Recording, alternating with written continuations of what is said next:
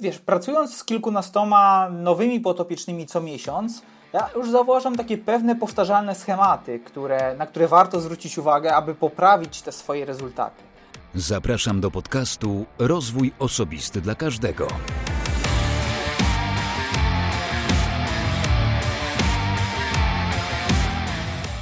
Cześć, ja nazywam się Wojtek Struzik, a Ty będziesz słuchał właśnie 117 odcinka podcastu Rozwój Osobisty dla Każdego, który nagrywam dla wszystkich zainteresowanych świadomym i efektywnym rozwojem osobistym. Zanim powiem Ci, kto jest moim gościem dzisiaj i o czym z nim rozmawiałem, przypomnę, że w 116 odcinku odcinku solowym mówiłem o pięciu językach doceniania w miejscu pracy, o tym, jak motywować przez docenianie. Bardzo duży wpływ na to miała książka Pięć języków doceniania w miejscu pracy, którą dostałem od Iwony Grochowskiej. Mm, bardzo Ci, Iwona, za to dziękuję. Jeśli jeszcze tego odcinka nie miałeś okazji słuchać, to serdecznie Cię do tego namawiam. Zanim jeszcze też zaproszę do rozmowy z gościem, to zaproszę Ciebie na stronę Rozwój Osobisty dla Każdego, abyś zapisał się na newsletter, a ja dzięki temu będę mógł wysyłać Ci różne informacje, czasami wskazówki, czasami wartościowe materiały, tak jak w przypadku dzisiejszego odcinka, gdzie Kamil Lelonek, który jest dietetykiem klinicznym, który jest wielkim pasjonatem zdrowego odżywiania, biohackingu i tego wszystkiego, co reasumując wpływa dobrze na nasze zdrowie, na jakość zdrowia, na wysypianie się, przygotował dla Was właśnie materiał o dobrej suplementacji, który ci, którzy subskrybują ten newsletter, dostaną go jako załącznik.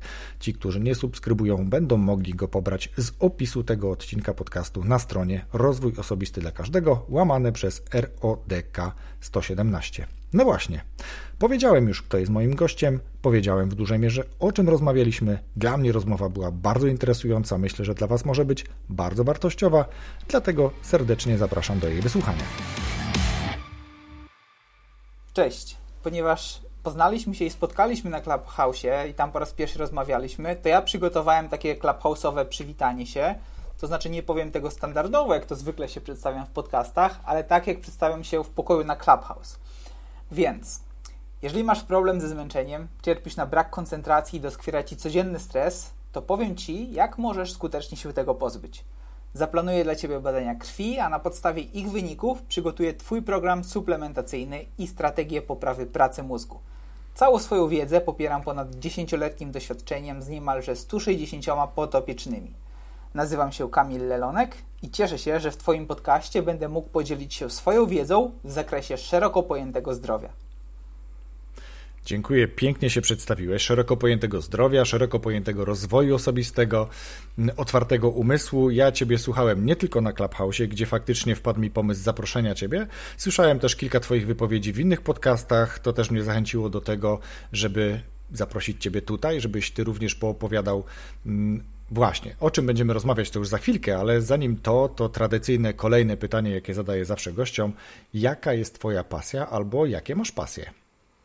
No, moją pasją jest niewątpliwie optymalizacja życia w każdym jego aspekcie, e, no bo dbam o to, aby najlepiej wykorzystywać swój dzień, efektywnie spędzać czas, e, podnoszę produktywność umysłową, żeby skutecznie realizować swoje cele, a zdrowie to podstawa moich działań, bo pasjonuje mnie właśnie ludzki mózg, jego działanie, więc usprawniam jego pracę każdego dnia. Super no to jesteś kolejną osobą w tym podcaście, która, której pasja jest y, też tym, czym zawodowo, biznesowo się zajmuje, co moim zdaniem jest y, bardzo pozytywne. Oczywiście zdań jest wiele też takich, które mówią, że w momencie, kiedy zaczniesz zarabiać na pasji, to to przestanie być pasja. A ja myślę, że jeżeli ktoś bardzo kocha to, co lubi, to to pasją nie przestanie być. Ale to jest moje zdanie. Okej. Okay. Drugie pytanie, które od jakiegoś czasu bardzo bezpośrednio zadaję też gościom podcastu, którego motywem przewodnim jest rozwój osobisty. Jak ty, Kamilu, widzisz rozwój osobisty? No, rozwój osobisty moim zdaniem jest dbaniem o to, aby stawać się skuteczniejszym w działaniach i osiągać kolejne rezultaty.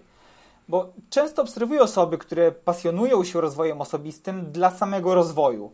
No wiesz, chodzą na szkolenia, czytają książki, a potem wracają do swojego życia i nic z tą wiedzą nie robią. Ja w zasadzie wolę zamknąć książkę lub wręcz wyjść z takiego szkolenia wcześniej, jeżeli tylko odkryję coś, co mogę wdrożyć natychmiast i osiągnąć wtedy realne efekty. Bo dla mnie rozwój osobisty to nie tylko teoria, jak stawać się lepszym, ale też praktyka i osiąganie efektów w życiu codziennym. No i bardzo konkretnie i bardzo na temat, też tak to widzę i większość gości dokładnie tak samo się wypowiada, bo to, o czym mówisz, że ten rozwój osobisty w tej teorii, nazwijmy to, to jest ten rozwój osobisty, który bardzo często postrzegany jest trochę negatywnie, a już na pewno nie pozytywnie, może bardziej neutralnie, kiedy ludzie właśnie jeżdżą na szkolenia, kiedy czytają książki, kiedy słuchają podcastów, tylko że nic się później z tym nie dzieje, tak? Czyli nie ma tej jednej rzeczy, tego jednego zdania, które wdrażamy, które cokolwiek nam pomoże. Oczywiście to nie jest jest też tak i nie musi tak być, żeby ktoś też nie potrzeb, jakby nie czuł takiego parcia z naszej strony, takiego ciśnienia, stresu niemalże, że z każdego odcinka podcastu, z każdej książki musisz coś wynieść. Nie musisz. Jeśli nie czujesz, to nie wdrażasz, że coś istotnego jest. Natomiast no, po to to najczęściej się robi, żeby jakąś taką jedną rzecz, na przykład jedną rzecz znaleźć.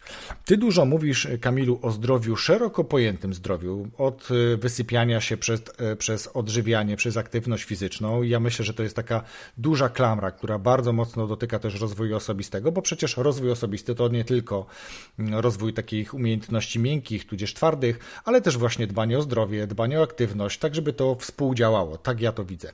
I teraz chciałbym Ciebie zapytać, bo patrząc na to, jak wygląda społeczeństwo na świecie, nie tylko w Polsce, ale na świecie, patrząc na um, społeczeństwo amerykańskie, patrząc na społeczeństwo brytyjskie.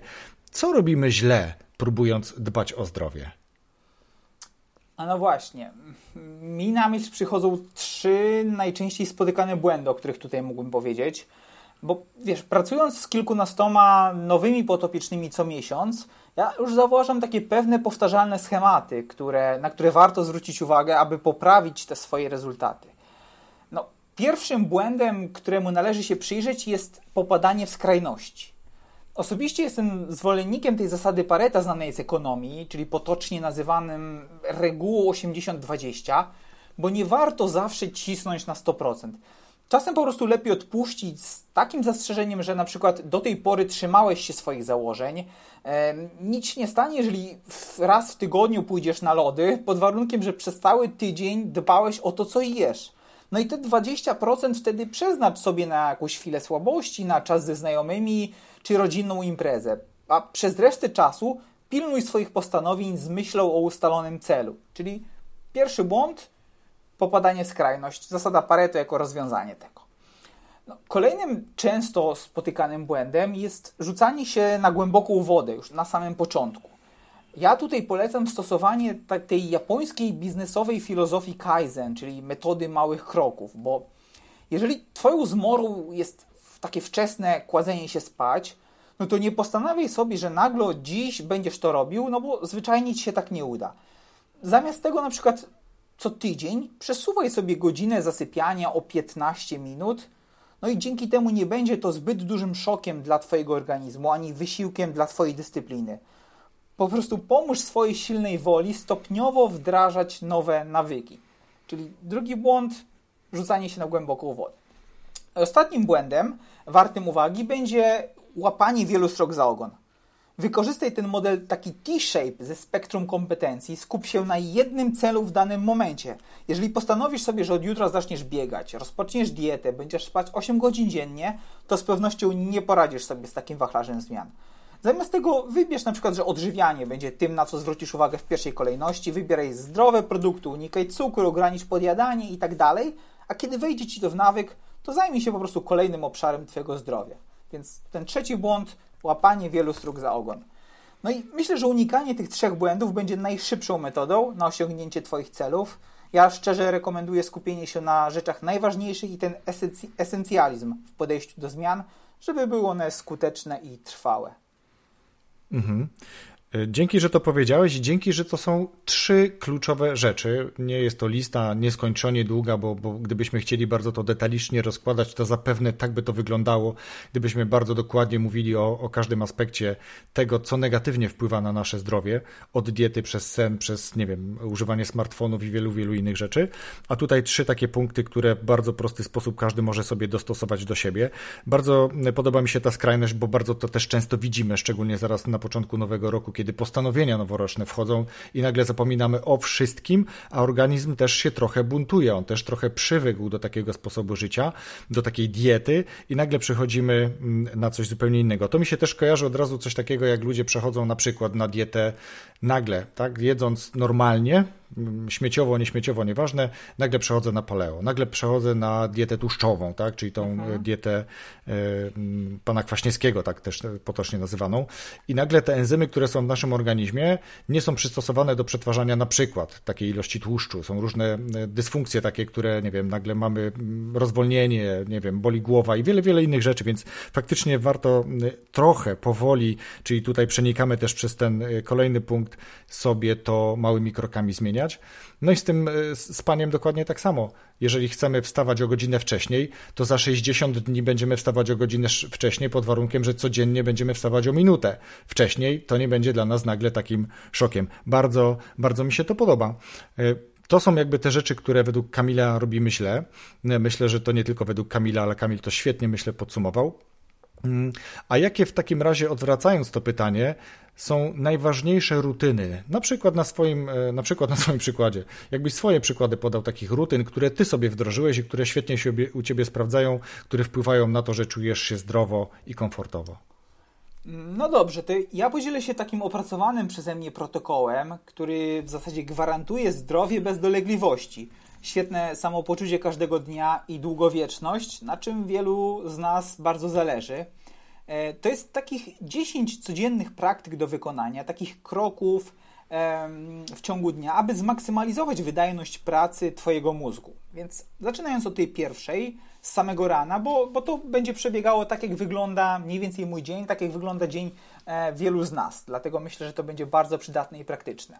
Zaczynając od rana, warto z samego rana wystawić się na światło słoneczne. Jest to pierwsza e, zasada. Tuż po obudzeniu istotne jest, aby do Twoich oczu dotarło jak najwięcej światła słonecznego. No, warto wpuścić je do mieszkania, odsłonić okna, firanki, żaluzje, cokolwiek tam mamy. No, a jeżeli to możliwe, to już najlepiej wyjść gdzieś na zewnątrz. Jeżeli mamy jakiś tam balkon, ogródek, jakkolwiek, czy możemy po prostu wyjść, warto nastawić się na to światło słoneczne. Kolejnym krokiem, tym drugim elementem rutyny w ciągu dnia będzie zimny prysznic. O, zimny prysznic jest takim idealnym pobudzaczem, takim, takim stymulantem, takim bodźcem na cały dzień, e, jeżeli skorzystamy z tego prysznica z samego rana. E, technik jest wiele tak naprawdę. Jest tam, możemy zacząć od polewania się ciepłą wodą, potem zimną, możemy zacząć się od polewania zimną gdzieś tam od dołu ciała do góry, możemy zrobić najpierw ciepły prysznic, a potem zimny. Tutaj no, nie będziemy tego omawiać w tym podcaście, bo moglibyśmy nagrać zupełnie oddzielny odcinek temu przeznaczony. E, warto potestować różne metody. No, chodzi o to, żeby wejść pod tą zimną wodą na dosłownie kilkanaście sekund, dać swojemu organizmowi taką ogromną dawkę energii i strzał endorfin, który naprawdę będzie utrzymywać się przez cały dzień. E, trzecim elementem tej rutyny jest spacer, bo 10 tysięcy kroków każdego dnia to jest taka minimalna dawka ruchu do utrzymania zdrowia i ciała w dobrej formie. E, spacery poprawiają krążenie, cyrkulację w krwi w ciele i w mózgu, e, no lepsze dotlenienie i co przekłada się i, i, przydaje się na lepszą pracę umysłową, więc, więc przydatne jest to, zwłaszcza kiedy gdzieś tam intensywnie pracujemy przez cały dzień. Czwartym krokiem jest blokowanie światła niebieskiego. No to blokowanie światła niebieskiego, czyli wpływ światła niebieskiego na, na, nasz, na nasze ciało, na nas, no jest dość szkodliwy. Wiele badań udowadnia to, jak pewne spektrum fal, e, także wycinek tego światła w ciągu dnia, jak i światło niebieskie po zmroku, e, rozregulowanie, rozregulowuje nas, nasz rytm dobowy, więc warto to ograniczyć. Ja polecam stosowanie filtrów na ekrany urządzeń, czy to komputera, czy to telefonu, albo stosowanie okularów ograniczających to światło niebieskie. Są okulary wycinające 40% światła niebieskiego w dzień, jak i 100% światła niebieskiego po zmroku. Dzięki temu Twój wzrok będzie odpoczywał, a Twoje oczy nie zmęczą się tak szybko przy pracy z komputerem. Piątą metodą e, w tym protokole jest kawa, bo kawa to genialny stymulant, który stosowany mądrze przysłuży się pracy Twojemu mózgowi. No, niestety wiele osób nadużywa tego narzędzia, a potem twierdzi, że kawa na nich nie działa albo mogą iść spać po kawie. No to prawda, ale to sami do tego doprowadzili pijąc jej hektolitry. Na szczęście przy odrobinie dyscypliny można to zmienić i przywrócić energetyczną moc kofeiny, co bardzo polecam, bo kawa jest legalnym, bardzo dobrze dostępnym i świetnym stymulantem dla naszego mózgu. Szóstą metodą jest przewietrzenie pomieszczenia, w którym pracujemy, przemieszczenie powietrzenia, pomieszczenia, w którym śpimy. Należy zadbać o dostęp do świeżego powietrza w ciągu dnia, no i podczas snu. E, jeżeli chodzi o noc, o ten aspekt spania w nocy, to jeżeli nie możesz spać przy otwartym oknie, bo na przykład mieszkasz przy jakiejś ruchliwej ulicy, gdzieś tam jest jakiś hałas z zewnątrz lub temperatura jest albo za zimna, albo za gorąco na zewnątrz, no to chociaż warto przewietrzyć przed samym snem tą naszą sypialnię, żeby lepiej się wyspać. Kolejnym, siódmym już punktem jest gorąca kąpiel, bo świetnym sposobem relaksu po całodniowych aktywnościach jest wzięcie gorącej kąpieli lub prysznica. To bardzo dobrze rozluźni Twoje mięśnie, przyniesie takie uczucie relaksu i wyeliminuje napięcie zgromadzone w trakcie całego dnia. Więc taką dobrą wieczorną rutyną będzie właśnie ta gorąca kąpiel. Ósmym krokiem są techniki oddechowe. Stosowanie tak zwanego kwadratu oddechowego tuż przed samym zaśnięciem, ale także w ciągu dnia podczas nagłych sytuacji stresowych zdecydowanie uspokoi myśli, no i poprawi relaks, a wieczorem przyspieszy zasypianie.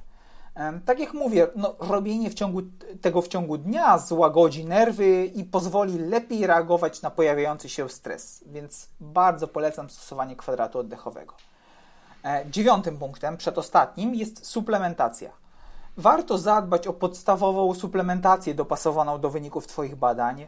E, no, dzisiaj bardzo łatwo nabawić się niedoborów, dlatego należy zadbać o właściwe uzupełnienie witamin i minerałów.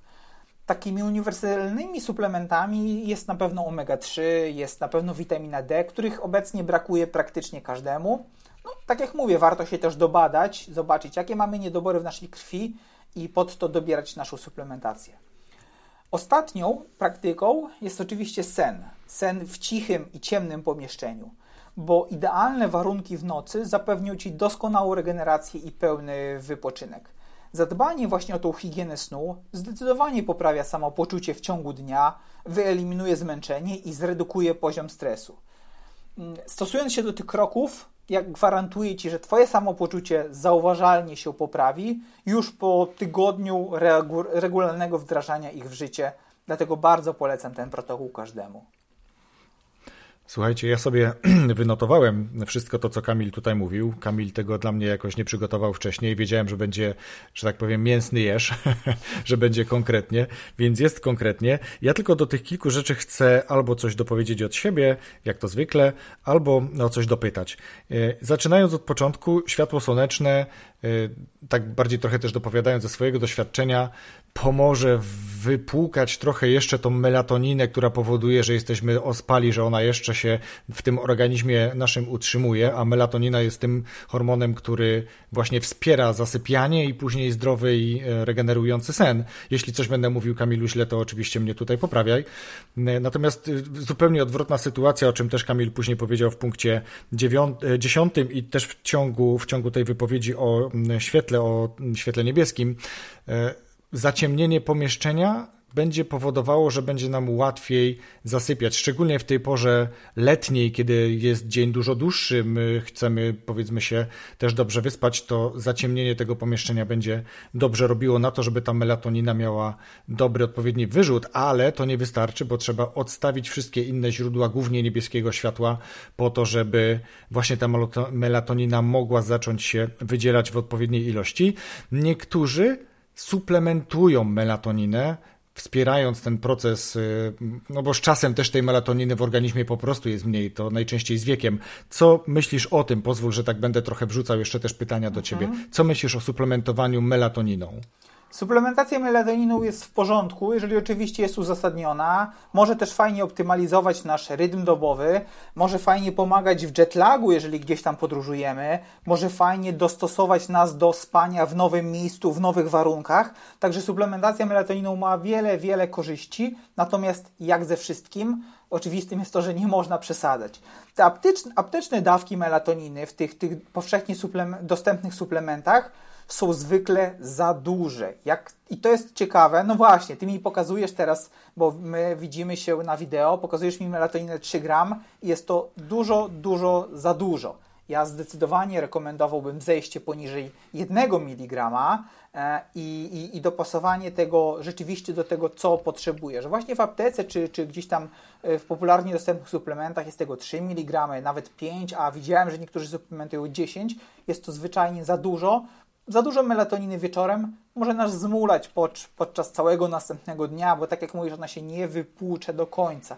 Dlatego warto uważać, ale stosowana mądrze jest naprawdę świetnym narzędziem e, dla wielu dolegliwości i dla optymalizacji naszego rytmu dobowego czyli tak naprawdę dobrego wysypiania się, regenerowania organizmu podczas snu, bo tylko wtedy tak naprawdę się regenerujemy najlepiej.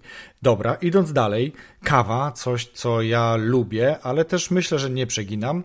Natomiast a propos kawy jest wiele mitów. Ciekaw jestem, jak ty to widzisz jakie są twoje doświadczenia, bo wiele mitów mówi o tym, że na przykład kawa e, odwadnia, kawa wypłukuje minerały. Co o tym sądzisz?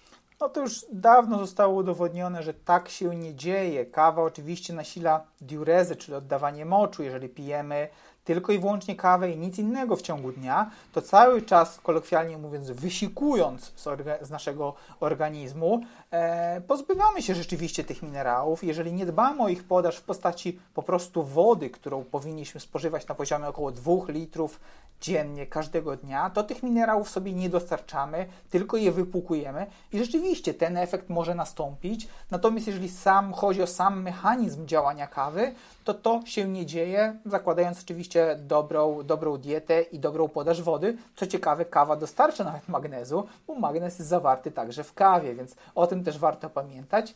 Oprócz kawy są też inne napoje, jest przede wszystkim woda, o której powinniśmy pamiętać podczas całego naszego dnia. Super, dobrze, że to powiedziałeś, bo dokładnie takie są mity, a ja przyznam, że mam w domu e, fankę takich właśnie różnych e, zdrowotnych, prozdrowotnych treści. Tu tak zerkam szybko na e, półkę.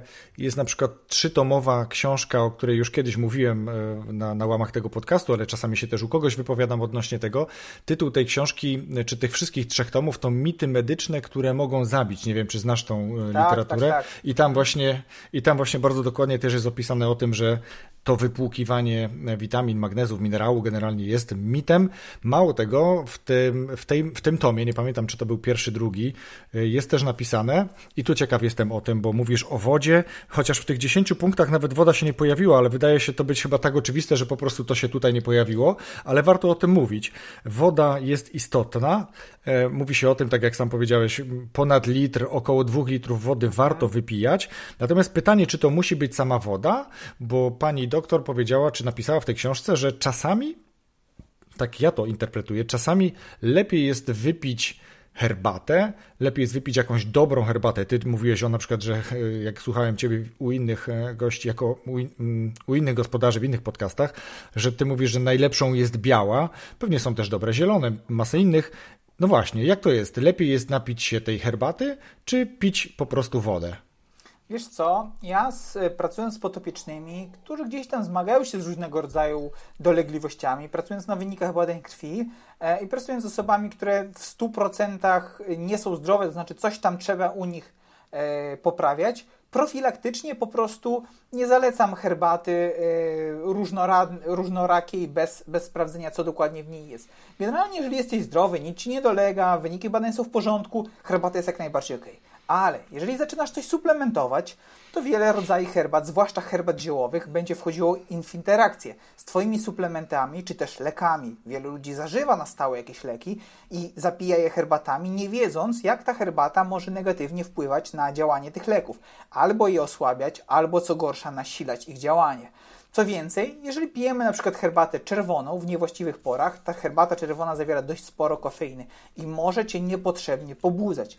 Jeżeli chodzi o zieloną herbatę, to ona oczywiście jest bardzo dla nas odżywcza, ma tam masę antyoksydantów, natomiast trzeba też uważać, kiedy spożywamy ją w okolicy innych minerałów, witamin, które przyjmujemy, bo może ograniczać ich wchłanianie. Podobnie też czerwon- z e, herbatą czarną, która może po prostu osłabiać działanie, wchłanianie tych składników odżywczych z pokarmu. Dlatego ja bardzo ostrożnie podchodzę do tych herbat, bo jeżeli komuś bym powiedział, że może pić herbatę, to muszę mu napisać całą instrukcję tego, jaką pić herbatę, kiedy, w jakich godzinach, w jakich ilościach, więc mi po prostu łatwiej profilaktycznie jest powiedzieć herbatę białą, bo jest w miarę najlepsza, a te inne lepiej nie, bo nigdy nie wiesz, co ci jest, jakie suplementy przyjmujesz, jakie masz dolegliwości, więc po prostu uważaj.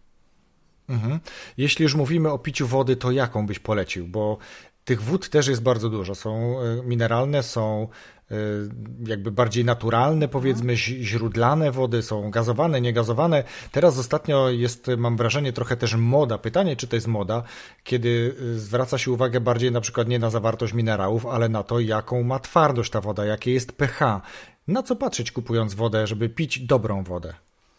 Warto wybierać wodę wysoko zmineralizowaną, żeby rzeczywiście tych minerałów miała dużo.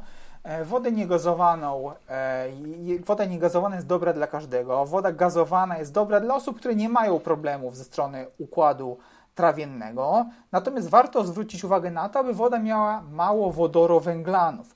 No bo te wodorowęglany, one w pewnym sensie trochę sztucznie podbijają zawartość ogólną minerałów, która jest deklarowana przez producenta, jednak same w sobie nie są dla nas zbyt wartościowe. To znaczy te wodorowęglany gdzieś tam nawet mogą neutralizować kwaśność naszego żołądka, która jest pożądana do tego, aby lepiej trawić chociażby białko, aby zabijać pewne bakterie. Więc jeżeli spożywamy dużo wody zmineralizowanej, ale nie bogatej w minerały, takie e, te pierwiastki, mikroelementy, ale w, po prostu wodorowęglane, które też się wliczają do tej puli minerałów, to tutaj możemy może nie to, że sobie zaszkodzić, ale ona na pewno nie przyniesie tyle korzyści, więc warto zwrócić uwagę na pewno na to.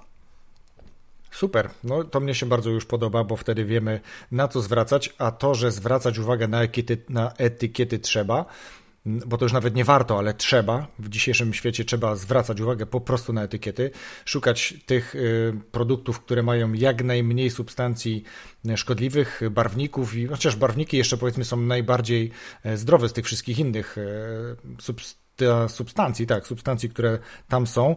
Gdybyśmy mieli teraz taką szybką radę dać Kamilu osobom, jakich unikać najbardziej tych rzeczy, które są w żywności, to które to kluczowe byłyby? Potrafisz tak powiedzieć z rękawa? Ja bym powiedział tak, nie kupujmy produktów, które mają jakiś skład. Bo jeżeli kupujemy mięso, to w składzie ma być po prostu mięso. Mięso, wiadomo, jest gdzieś tam konserwowane i gdzieś tam są jakieś podstawowe, e, podstawowe azotyny, azotany, które to mięso gdzieś tam są wykorzystywane do konserwacji. Natomiast po prostu porównując kilka rodzajów mięs, warto wybrać takie, które nie ma wymienionej listy składników. Tak samo jeżeli kupujemy warzywa, no to ma to być marchewka, sałata i tak dalej, a nie mieszanka z dodatkiem składników, których nawet nie rozumiemy. Warto porównywać pomiędzy sobą produkty, sprawdzać, czy w danym jogurcie jest cukier i masa innych zagęszczaczy, czy tak jak powiedziałeś właśnie barwników, antyzbrylaczy czy, czy antyutwardzaczy, porównywać te dwa produkty i wybierać te, które mają mniejszy skład. Potem znowu wybrać produkt i taką metodą wyboru wybrać te, na których lista składników jest jak najmniejsza. I to myślę, że będzie taką najbardziej uniwersalną metodą, bo trudno będzie słuchaczom e, wybierać, jak ja powiem na przykład, że ok, glutaminian sodu, to raczej każdy wie, że, że to jest coś dla nas szkodliwego, ale łatwiej będzie powiedzieć, że jeżeli wybieram dwie, dwa rodzaje wędlin, no to ta wędlina, która będzie miała dodatek y, glukozy, która jest no, de facto stosowana jako konserwant też, ale masę, masę innych rzeczy, będzie gorsza niż ta, która po prostu będzie miała w sobie mięso ponad 90% i ewentualnie jakieś dwa dodatki, które muszą się tam znaleźć, bo są po prostu konserwantami, więc wybierajmy produkty z jak najmniejszą listą składników i to będzie chyba najbardziej uniwersalna rada, lepsza niż podawanie konkretnych produktów, których trzeba unikać. A puenta niech będzie taka, czytamy etykiety, zwracamy uwagę na to, co tam jest, nie tylko na termin przydatności, ale na to, co się znajduje jako składnik danego produktu, który chcemy kupić. Wróćmy na chwilę do kawy. Mówiłeś o herbatach. Herbaty faktycznie też zawierają, oprócz teiny, zawierają kofeinę. Teina zresztą też potrafi pobudzić, więc też późne picie herbaty wpłynie na zaburzenie na przykład zasypiania, a później być może snu, więc warto o tym pamiętać, e, żeby też tych herbat nie pić zbyt późno.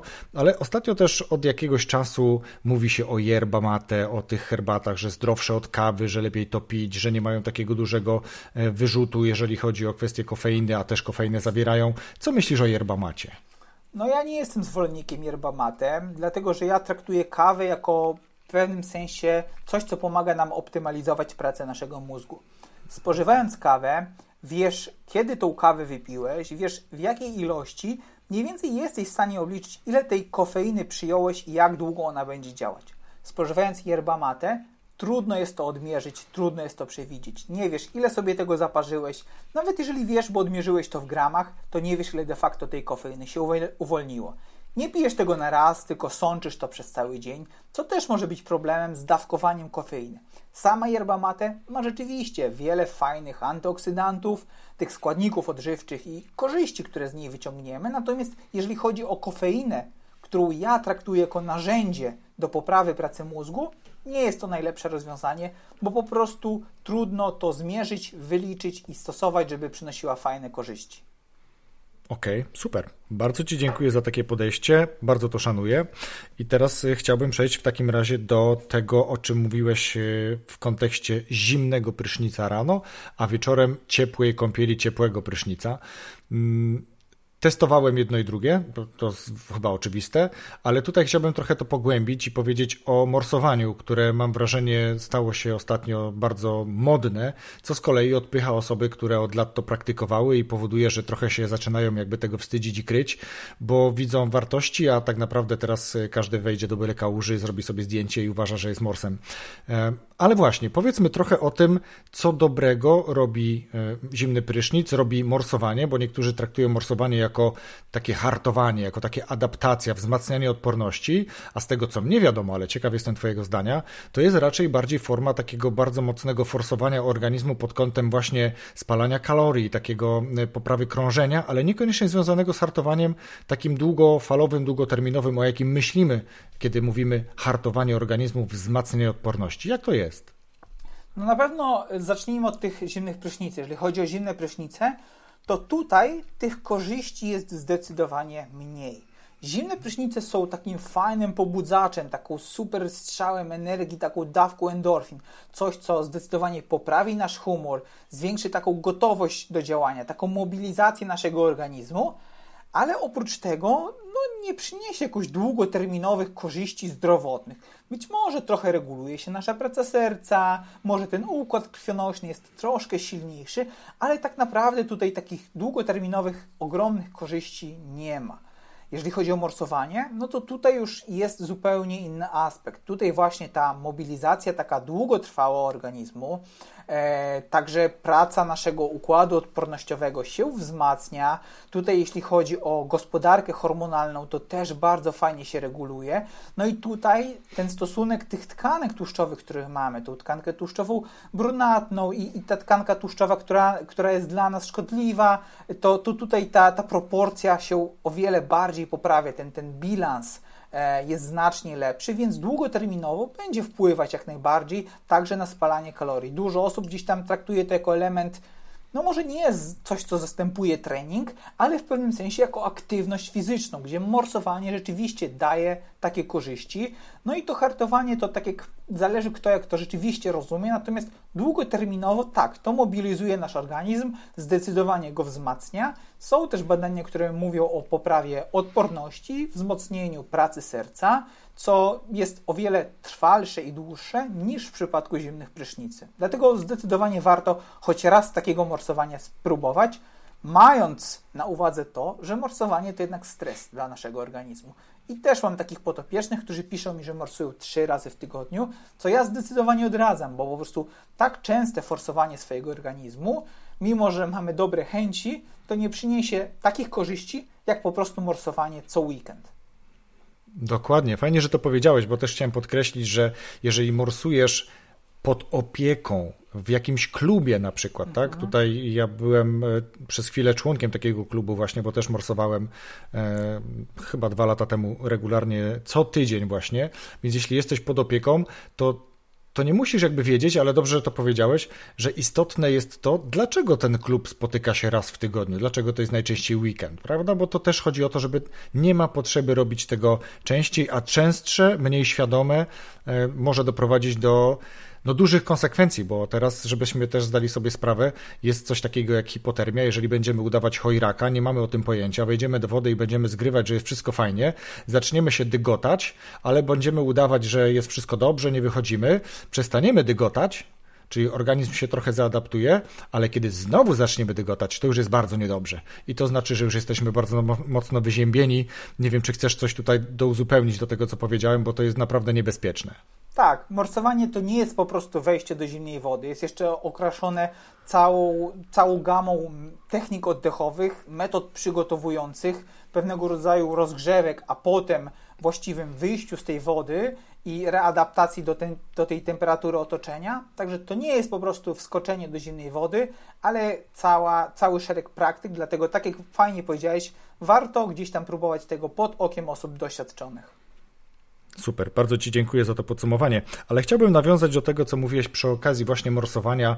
Mm, powiedziałeś o tkance tłuszczowej brunatnej, to też jest różnie nazywane jako tłuszcz brązowy, tłuszcz brązowy, brunatny. Tak. Mhm. Właśnie, z, z czego wynikają i co to są za rodzaje tłuszczów, które mamy na sobie, skąd to się bierze, dlaczego to tak rozróżniamy? Tu jakbyś jeszcze chwilę o tym powiedział.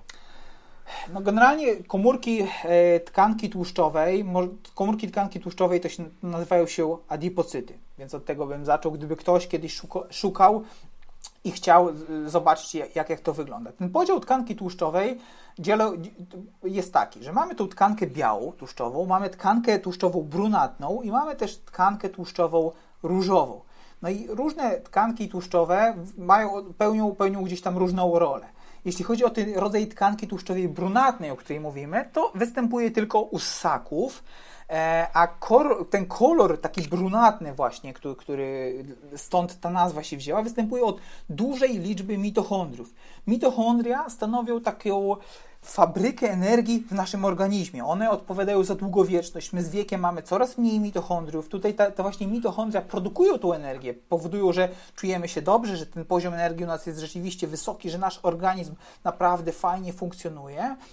Dlatego stąd wziął się ten właśnie kolor brunatny, bo, bo tam jest duże zagęszczenie mitochondriów. No, mi to główną, główną funkcją tej tkanki tłuszczowej jest także spalanie kwasów tłuszczowych, czyli po prostu spalanie tłuszczu w naszym organizmie, no i glukozy, czyli wykorzystanie glukozy jako, e, jako to paliwo dla naszego organizmu. Dlatego jest bardzo dużo korzyści z posiadania tej tkanki tłuszczowej brunatnej. Natomiast tkanka tłuszczowa biała jest w pewnym sensie takim, jakby to nazwać, magazynem energii, E, bo, I po prostu jej główną rolą jest magazynowanie kwasów tłuszczowych dla celów takich energetycznych, które potem gdzieś tam będą wykorzystane w momencie, gdy tej energii, dla naszego, gdy tej energii w naszym organizmie zabraknie.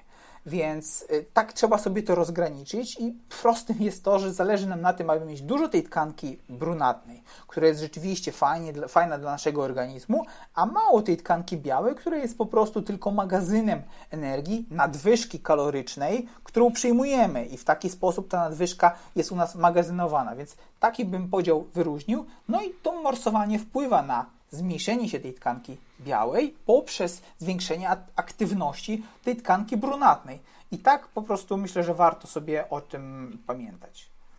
Mhm. A czy są jeszcze jakieś sposoby na to, żebyśmy, jeżeli tak mogę powiedzieć, przenosili albo zmieniali proporcje tłuszczu białego do tego tłuszczu brunatnego w naszym organizmie? No, tu, Tutaj, tutaj odpowiedź jest dość prosta, bo jest to aktywność fizyczna, czyli ruch, czyli po prostu ten nasz wydatek energetyczny, wszystko to, co ma, ma, ma, ma na celu, wykorzystanie właśnie energii, zużycie energii tych materiałów zapasowych z naszego organizmu. To raz. No a dwa, może nie deficyt kaloryczny, ale na pewno ten balans kalorii, czyli po prostu to, żeby tej tkanki białej nie nadbudowywać, tylko, tylko y, energię, którą spożywamy w ciągu dnia spożywienia, na bieżąco wykorzystywać. I dzięki temu ta tkanka biała po prostu nie będzie się rozbudowywała. Mhm, super. I tak teraz płynnie przejdziemy do tych 10 tysięcy kroków, o których mówiłeś, jako jeden z tak naprawdę trzeci z Twojej listy praktyk zdrowego życia.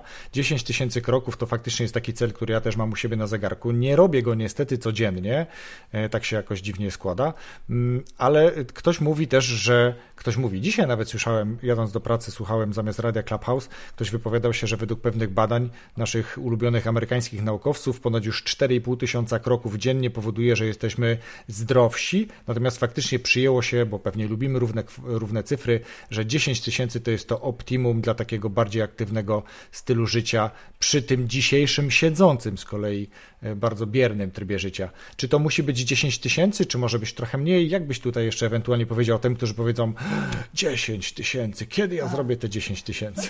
10 tysięcy kroków dziennie to jest de facto coś około 7 kilometrów no zależy od tego, kto, kto jaki ten krok ma oczywiście, ale to wcale nie jest tak dużo, ile mogłoby się wydawać. Taki 45-minutowy spacer naprawdę robi robotę. Jeżeli myślimy sobie o tej aktywności fizycznej właśnie w postaci spaceru i mówimy, że na to nie mamy czasu, to jest naprawdę wiele momentów, kiedy można by było to wykorzystać. Na przykład my dzisiaj podczas nagrywania podcastu moglibyśmy de facto spacerować zamiast pracować na stojąco, jak teraz chyba pracujemy, e, i to moglibyśmy robić. Jeżeli mamy jakieś spotkanie, no teraz jest dużo tych, tych konferencji online, tych spotkań online, tych, tych rozmów telefonicznych na Zoomie, Hangoutsach, czy Teamsach, więc dlaczego by nie zrobić sobie takiego spotkania po prostu spacerując? Jeżeli nie gdzieś tam w lesie, którego może nie mamy w pobliżu, to chociażby dookoła naszego bloku, dookoła osiedla, tam gdzie się możemy przejść. Zamiast jechać do najbliższego sklepu samochodem, możemy zrobić te kroki i tam zwyczajnie się przespacerować. Także warto po prostu szukać takich okazji, zamiast przerażać się tym, jak to jest dużo.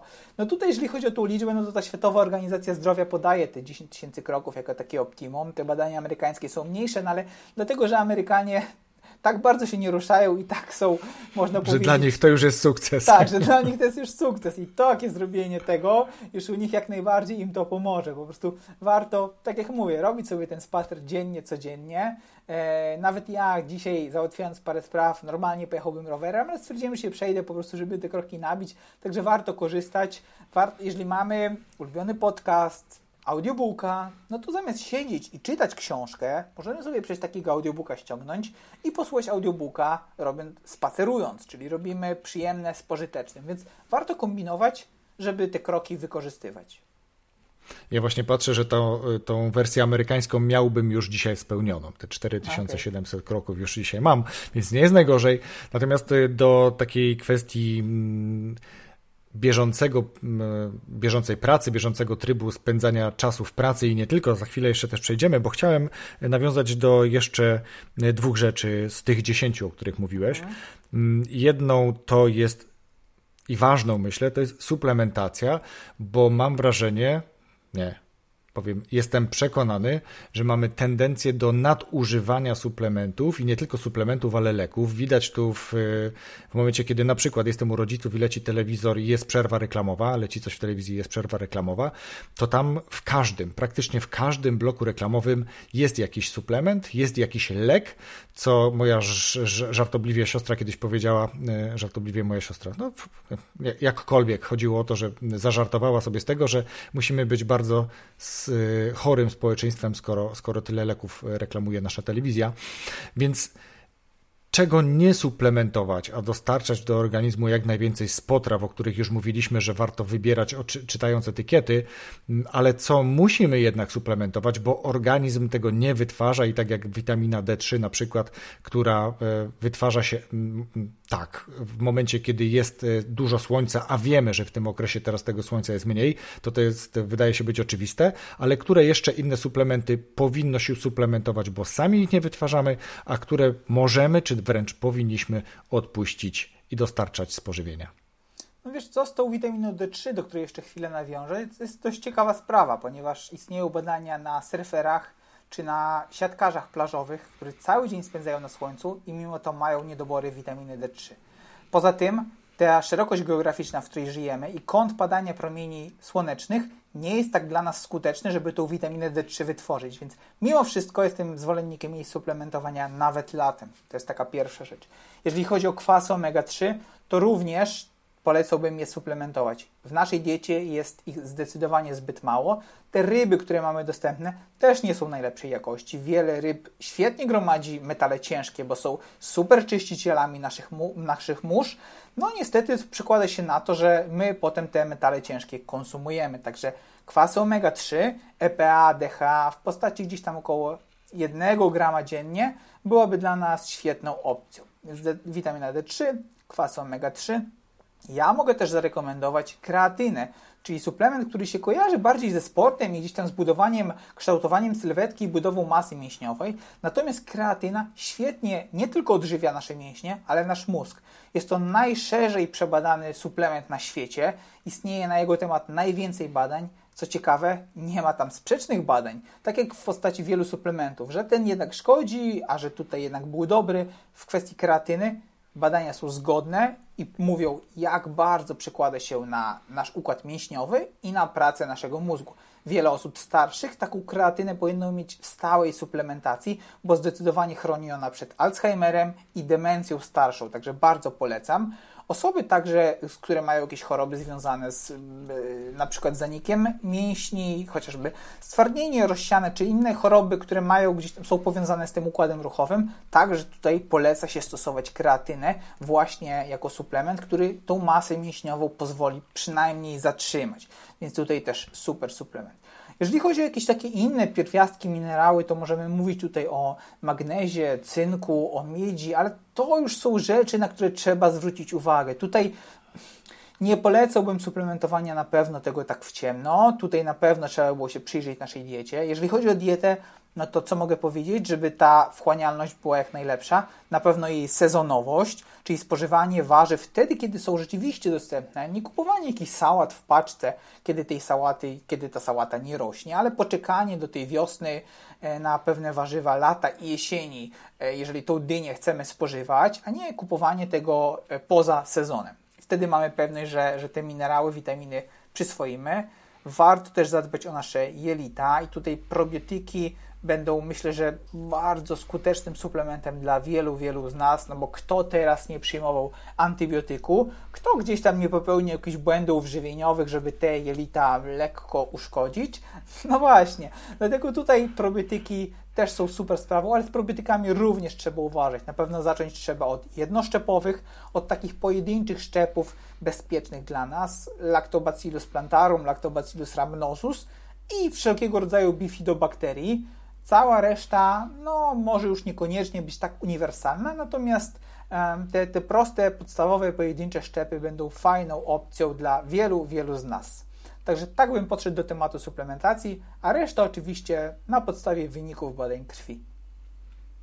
Dobrze, że powiedziałeś o probiotykach, prebiotykach. Generalnie to nawet cały odcinek podcastu mam niemalże temu tematowi poświęcony, więc chętnie do tego nawiążę i w opisie tego podcastu damy nie tylko te rzeczy, o których mówił tutaj Kamil przed chwilą. Postaram się to zebrać jak najbardziej konkretnie, ale też podrzucę ten odcinek podcastu o prebiotykach, probiotykach, bo to bardzo istotne właśnie, bo mówi się, że jelita to nasz drugi mózg i wiele chorób wynika właśnie z tego, że to właśnie jelita nie mają dostatecznej ilości pokarmu pokarmu dla dobrych bakterii, wręcz przeciwnie, te niezbyt dobre szczepy się tam namnażają. I to Niektórzy tak trochę żartobliwie mówią, że te, nawet takie badania są, że te bakterie kierują nami, że to nie my sami decydujemy, tylko to bakterie mówią, że mamy właśnie ochotę zamiast na marchewkę to na czekoladę, etc., więc warto zadbać o to, co tam w tych jelitach się znajduje. E, powiedziałeś witamina D3. Słyszałem już trochę o tej kreatynie, ale żebyśmy też dali taką pełną e, jasność słuchaczom, jest kilka szkół, jeśli chodzi o kwestię suplementacji, a tak naprawdę dawkowania witaminą D3. Jest szkoła, która mówi, że trzeba się naładować krótko, ale dużo. Jest szkoła, która mówi, że przyjmować dawkę w jakimś dłuższym okresie czasu, ale mniejszą. Y, wróćmy do tej witaminy D3. Jak ją najlepiej suplementować, żeby ona wchłaniała się y, bardzo dobrze? Widziałem i miałem podopiecznych, którzy podchodzili na oba sposoby, których mówiłeś, i de facto koniec końców tak naprawdę wychodziło na to samo. Mam podopiecznych, którzy przyjmują na przykład 20 tysięcy jednostek raz w tygodniu, czy raz na dwa tygodnie. Mam takich, którzy suplementują 2000 jednostek dziennie. No i tak naprawdę koniec końców gdzieś tam w dużej mierze wychodzi naprawdę na to samo. No ja w swoich planach suplementacyjnych, żeby po prostu było łatwiej, rozpisuję ją codziennie, bo wtedy łatwo pamiętać, żeby sobie codziennie łykać, a nie, że dzisiaj jest środa, więc w środę powinienem wziąć to, po prostu praktyczniej robić to codziennie, to jest moje podejście. Natomiast takie dawkowanie raz w tygodniu dużej dawki, jak widzę w badaniach, również działa. Okej, okay, dobra, no to w takim razie kreatyna. Mówisz, że wpływa dobrze i każdy w już trochę dojrzalszym wieku, tudzież starszym, mm, powinien ją mieć w swojej apteczce, nazwijmy to. Oczywiście w tej apteczce mamy masę różnych rzeczy, niekoniecznie dobrych, tak. ale zakładam, że większość z naszych rodziców, dziadków, gdybyśmy teraz zajrzeli do ich apteczki, nie znajdziemy tam kreatyny. Jak ją dawkować? Jak powinniśmy zażywać kreatynę, żeby ona również przynosiła te rezultaty pozytywne, o których mówiłeś? Kreatyna zwykle jest dostępna w proszku, bo jest po prostu łatwiej ją dawkować. Czasem jest nawet smakowa, żeby po prostu lepiej się ją piło. E, zwykle jest to w postaci monohydratu. Najtańsza będzie najlepsza. Tutaj nie ma co przekombinowywać z jakimiś tam jabłczanami i innymi formami, bo tak naprawdę nie ma to znaczenia. 5 gram dziennie, codziennie jest naprawdę wystarczająca. Nie ma znaczenia kiedy, jaka pora. Mówi się, że gdzieś tam glukoza poprawia transport kreatyny, więc przyjęcie jej w okolicach posiłku, zwłaszcza takiego, w którym będą węglowodany, może być dla nas korzystniejsze. Pojawiają się też wersje kreatyny z dodatkami, taką, którą można bez problemu przyjmować na dietach ketogenicznych, przyjmować na czczo. Natomiast jest to już jakieś takie, powiedziałbym, że bardziej zaawansowane, ale nie wchodząc tutaj w szczegóły. 5 gram dziennie, codziennie, o dowolnej porze, najtańszej kreatyny w proszku będzie jak najbardziej ok. No właśnie, a kreatyna też nie jest wcale droga, bo takie chyba kilogramowe czy półkilogramowe pojemniki w okolicach 50 zł kosztują, no to możemy przez kilka tygodni ładnych z tego korzystać. Podejrzewam, że wyjdzie to znacznie taniej niż nie jeden niepotrzebny lek czy suplement, który mamy, który być może zażywamy. Więc bardzo ciekawa informacja, bardzo Ci za to Kamilu dziękuję. Idąc dalej, coś co mnie też y, mm, ja wiem, czy zaskoczyło pozytywnie techniki oddechowe. E, przyznam, że miałem taki okres w życiu, kiedy stres był trochę ponad normę i dopiero w momencie, kiedy zacząłem sobie zdawać e, z tego sprawę, że mogę to robić, czytałem trochę książek o ciszy, o spokoju, o, właśnie o oddechu, to okazało się, że to ma niesamowite rezultaty. Dzisiaj w moim zegarku jest też opcja oddechu. On czasami sam się o to przypomni i wyrzuci komunikat oddychaj i to jest taki cykl 10 bodajże głębokich oddechów. E, to jest takie wspieranie, natomiast nie musisz mieć zegarka, żeby oddychać, ale jakbyś powiedział trochę więcej o tych e, technikach, bo nie mówimy, nie, nie przechodźmy jakby głęboko do medytacji, bo to jest też bardzo często element medytacji, ale same techniki oddechowe, czyli przed snem, ale właśnie w trakcie takiego dużego wyrzutu e, kortyzolu może spowodować, że ten kortyzol bardzo szybko opadnie i wrócimy do takiej równowagi. Powiedz trochę o tym. No ja najbardziej polecam tą technikę oddechową zwaną kwadrat oddechowy. Polega to na tym, że przez 4 sekundy bierzesz wdech, robisz 4-sekundową pauzę, następnie 4-sekundowy wydech i znowu 4-sekundową pauzę. To może nie być takie proste na początek. Może warto zacząć od 3 sekund, od może dwóch, jeżeli naprawdę nie możesz wytrzymać, ale docelowo dążyć do tych czterech, które wydają się być najoptymalniejsze, jeżeli takie słowo istnieje. No i rzeczywiście to pozwoli fajnie zredukować nam stres. Zrobić te 30 oddechów, czy to przed snem, leżąc już w łóżku, które bardzo ułatwi zasypianie, czy to właśnie w ciągu dnia, kiedy gdzieś tam mamy do czynienia z jakimś większym napięciem, czy to nawet przed wyjściem na jakąś scenę, przemówieniem publicznym, kiedy takiego uspokojenia potrzebujemy. Są też techniki szybkich, nagłych oddechów, metoda oddychania Wima Hofa, która jest związana z morsowaniem, ale to już daje nam ten taki aspekt pobudzający, taki kop energetyczny, świetna alternatywa dla kawy w ciągu dnia lub dla drzemki, której nie moglibyśmy zrobić, więc tutaj taka metoda właśnie szybkich 30 oddechów pewnym rodzajem pauzy. No nie wchodząc w szczegóły, no bo jest to jednak dość złożone, natomiast jeżeli ktoś by chciał sobie wyszukać, to metoda Wima Hofa na pobudzenie, kwadrat oddechowy na uspokojenie i to chyba będzie dwie fajne techniki na różne sytuacje w ciągu dnia to ja je też podlinkuję. Postaram się trochę komentarza tam od siebie lub od ciebie, Kamilu, wrzucić, żeby to nie było tylko suche techniki oddechowe, tylko żeby dać trochę takiego albo własnych doświadczeń, albo po prostu jakichś rekomendacji, zaleceń, jak to poprawnie przeprowadzić. E, dobra, ja sobie zaplanowałem, że jeszcze zapytam ciebie o o to, ale myślę, że już dużo powiedzieliśmy, ale też możemy reasumować. Dzisiaj w dużej mierze w wielu domach pracujemy. Nie jeździmy do biur. Ja nie mówię, że wszyscy, ale w dużej mierze tak to się właśnie odbywa. Albo pracujemy w trybie hybrydowym, że trochę jesteśmy w biurze, trochę jesteśmy w domu, albo generalnie pracujemy w pracy zdalnej, albo jesteśmy, jak to mówimy, też to od swojego czasu taka moda nawet była takim nomadem, który, który pracuje trochę z domu, trochę gdzieś z jakiejś wyspy, trochę z innego miejsca, ale generalnie do czego zmierzam? Praca poza domem powoduje nie mniej, nie więcej jak dedykowanie już takie mentalne nastawienie do tego, że ja będę pracował. To jest pierwsza rzecz. Druga, zmusza mnie do tego, że ja z domu muszę wyjść, muszę zejść po schodach, muszę dojść na parking bądź dojść na przystanek, z przystanku dojść do biura i tak dalej, i tak dalej. W biurze dojść najlepiej po schodach, a nie windą, czyli już automatycznie praca w biurze, praca w firmie daje mi większą aktywność. Czy ja tego chcę, czy jestem świadom tego, czy nie, to tak jest. W momencie, kiedy pracuję w domu, to moja aktywność ogranicza się do ruszenia się z fotela, tudzież tak jak ja dzisiaj stoję przy biurku, ty widzę Kamilu też stoisz, więc ruszę się z mojego biurka do lodówki, z biurka do kuchni, zrobić kawę z biurka do łazienki. Reasumując, w ciągu 8 godzin pracy w biurze, e, jadąc do biura i wracając, zrobię znacznie więcej kroków i będzie więcej aktywności niż w domu. Ale co możemy jeszcze powiedzieć, jeżeli już jesteśmy zmuszeni trochę do tej pracy w domu, to jak pracować, żeby w perspektywie dłuższego okresu czasu nie nabawić się no trochę bardziej negatywnych e, takich e, no właśnie, konsekwencji mogę powiedzieć tej pracy stacjonarnej niż pracy w firmie, gdzie muszę do niej dojechać. No właśnie, to bardzo dobrze powiedziałeś, bo, bo brak ruchu to jest taka rzeczywista plaga i skutek tego tak zwanego lockdownu no, mnie osobiście przeraża, jak wiele osób, których no, życie może niewiele się zmieniło, to uwa- używa teraz pandemii jako takiej wymówki. No, bo to nie zrobili, a to odpuścili pewne rzeczy, tu nie dopilnowali jakichś tam postanowień, no przecież koronawirus, przecież takie zamieszanie przecież przez tą pandemię, ale prawdą jest, że tak, no, nie, nie przemieszczamy się tak często. Teatry, restauracje, muzea są niedostępne, E, i to, to przemieszczanie się jest ograniczone. No też wiele obiektów sportowych została zamknięta, sporo osób do, do tego biura nie jeździ rzeczywiście. Dlatego tutaj to, co powiedzieliśmy już, to, co, to o czym Ty wspomniałeś, ten regularny ruch będzie taką podstawą utrzymania tego zdrowia. Jeżeli pracujemy, pracujmy na stojąco. Wietrzmy pomieszczenie jak najczęściej, patrzmy gdzieś tam w dal, wystawiajmy się na to światło słoneczne.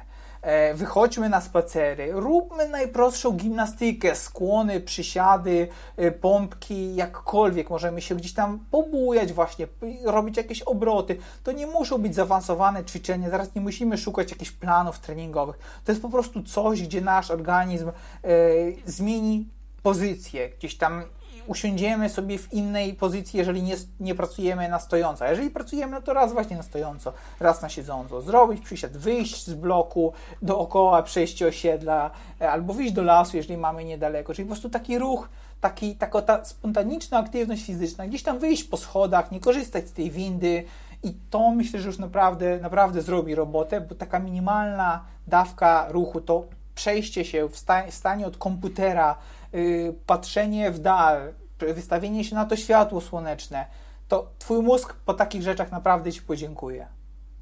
Mhm. Super, no bardzo dziękuję. To jest taka fajna puenta, myślę, takie podsumowanie tego, o czym rozmawialiśmy w całym dzisiejszym odcinku podcastu.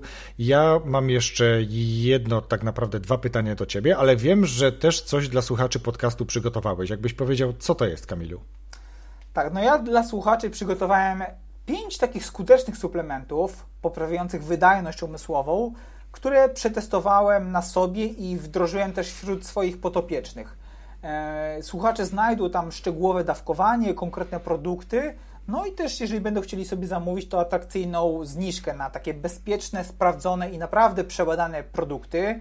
E, zapraszam do, do, do, do przetestowania i podzielenia się też swoimi wrażeniami.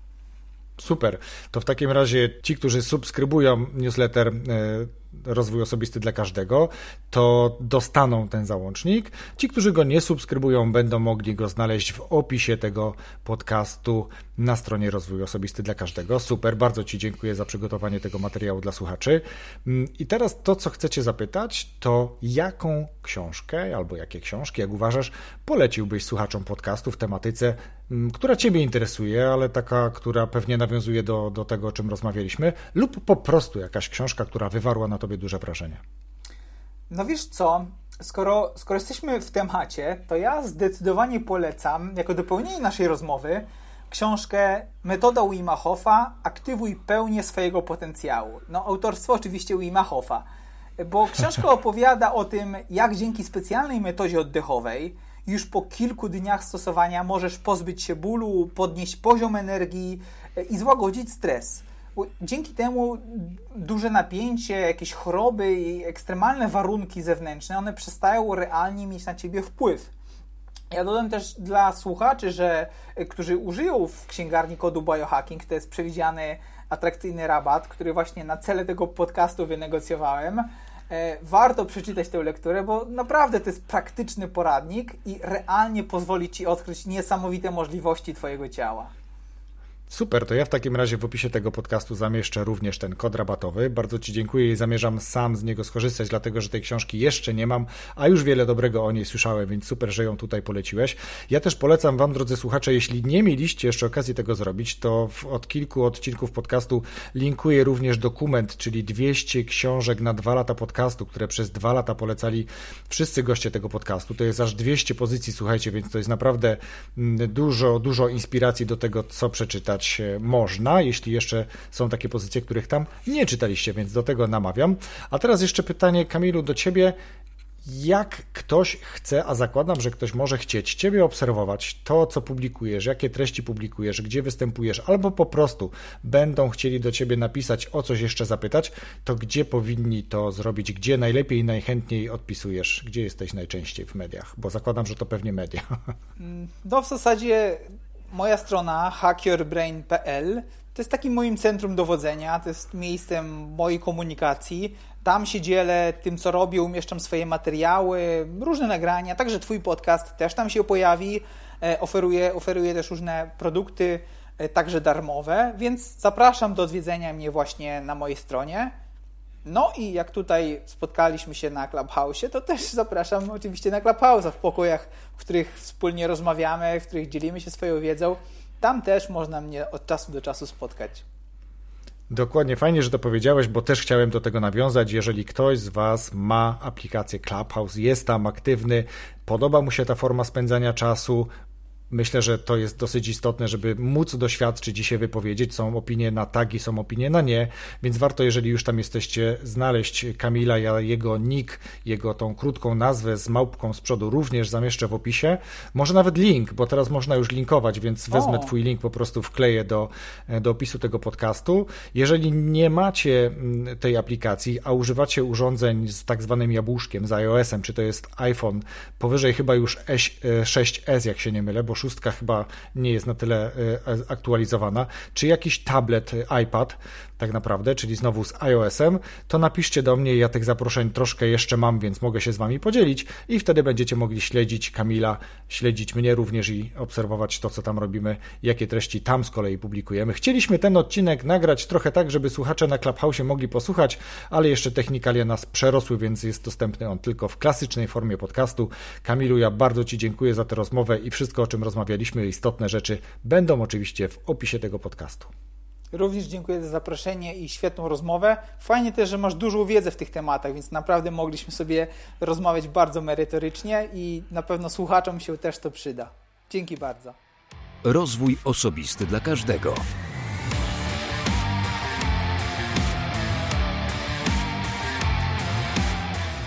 Dziękuję za wysłuchanie tego odcinka. Dziękuję za wysłuchanie rozmowy z Kamilem, który jak słychać jest fachowcem, jest ekspertem w tej dziedzinie, w dziedzinie biohackingu, w dziedzinie zdrowego trybu życia. Ma dużą wiedzę o tym, duże doświadczenie.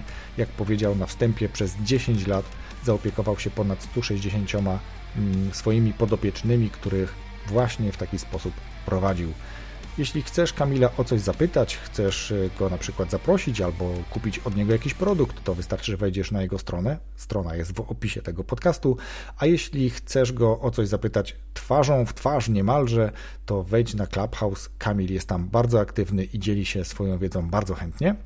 A ja w tym miejscu bardzo dziękuję za wysłuchanie tego odcinka. Dziękuję też i przede wszystkim dziękuję patronom podcastu, którzy wspierają mnie w jego realizacji, którzy chętnie podpowiadają pewnego rodzaju rozwiązania, którzy podpowiadają gości, którzy podpowiadają pytania do tych gości, ale też otrzymują ode mnie, mam nadzieję, coś, co rekompensuje w jakimś stopniu ich wkład, ich wsparcie. Więc jeśli i Ty chcesz przyłączyć do grona patronów, wejdź na stronę patronite.pl łamane RODK, czyli patronite.pl łamane RODK i wybierz tam dogodny dla siebie próg wsparcia. A ja z góry Ci za to serdecznie dziękuję i słyszymy się za tydzień w piątek z kolejnym odcinkiem podcastu. Wszystkiego dobrego.